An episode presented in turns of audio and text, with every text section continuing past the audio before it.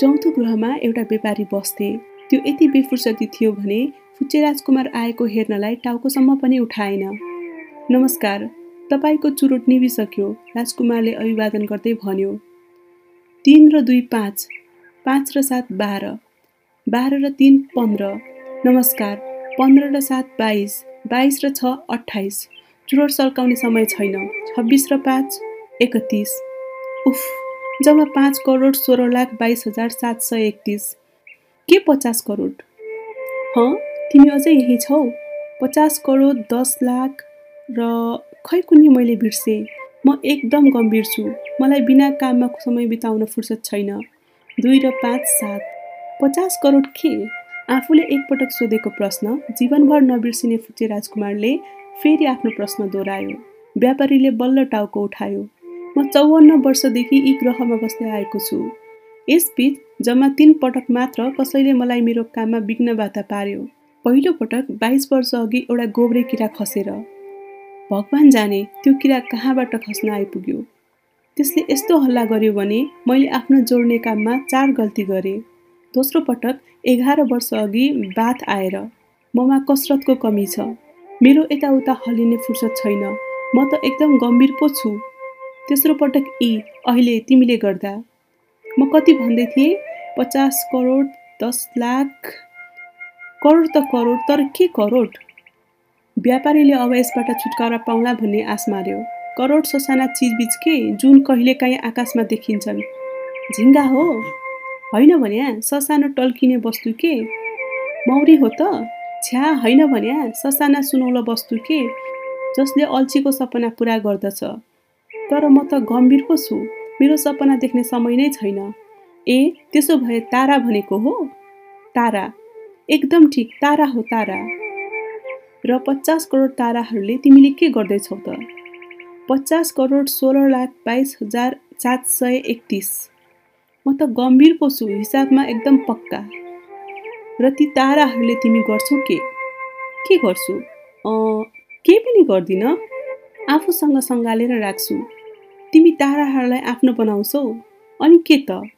तर मैले पहिल्यै एउटा राजा भेटेको छु जो राजाहरूले आफूसँग केही पनि राख्दैन। उनीहरू त त्यहाँ राज पो गर्छन्। त्यो त एकदम फरक कुरा हो। ती ताराहरू आफूसँग राखेर तिमीलाई के फाइदा? यसले गर्दा म धनी हुन्छु। धनी भएर तिमीलाई के फाइदा? अरू ताराहरू किन्ने अरू कसैले फेला पारेको रहेनछन् भने। फुच्चे राजकुमारले मनमनै यो व्यापारी पनि अघिको झै अर्थ लगाउँदो रहेछ भन्यो। तर जे भने पनि उसले अझै प्रश्न गर्यो। कसरी ताराहरूलाई आफ्नो बनाउने? यी ताराहरू कस कसका हुन्? तिमीलाई थाहा छ? व्यापारी झोकियो मलाई के थाहा? कस कसको यी सब मेरा हुन्। किनभने सबभन्दा पहिला यिनीहरूलाई मैले आफ्नो बनाउने विचार गरेँ। बस त्यतिले पुग्छ? किन नपुग्नु? तिमीले एउटा हिरा पायौ जुन कसैको पनि होइन। त्यो तिम्रो हो। कसैको पनि नभएको एउटा टापु फेला पार्यो भने त्यो तिम्रो हुन्छ। सबैभन्दा पहिला नयाँ विचार तिमीमा आयो र त्यसलाई तिमीले विस्तार गर्यो भने त्यो विचार तिम्रो हुन्छ।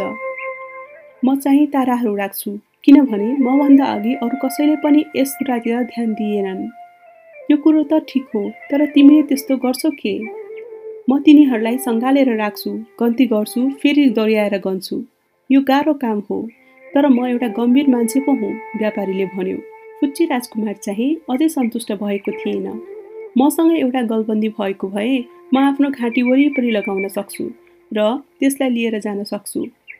मसँग एउटा फुल भइदिएको भए म त्यसलाई टिप्न सक्छु र आफूसँग लैजान सक्छु।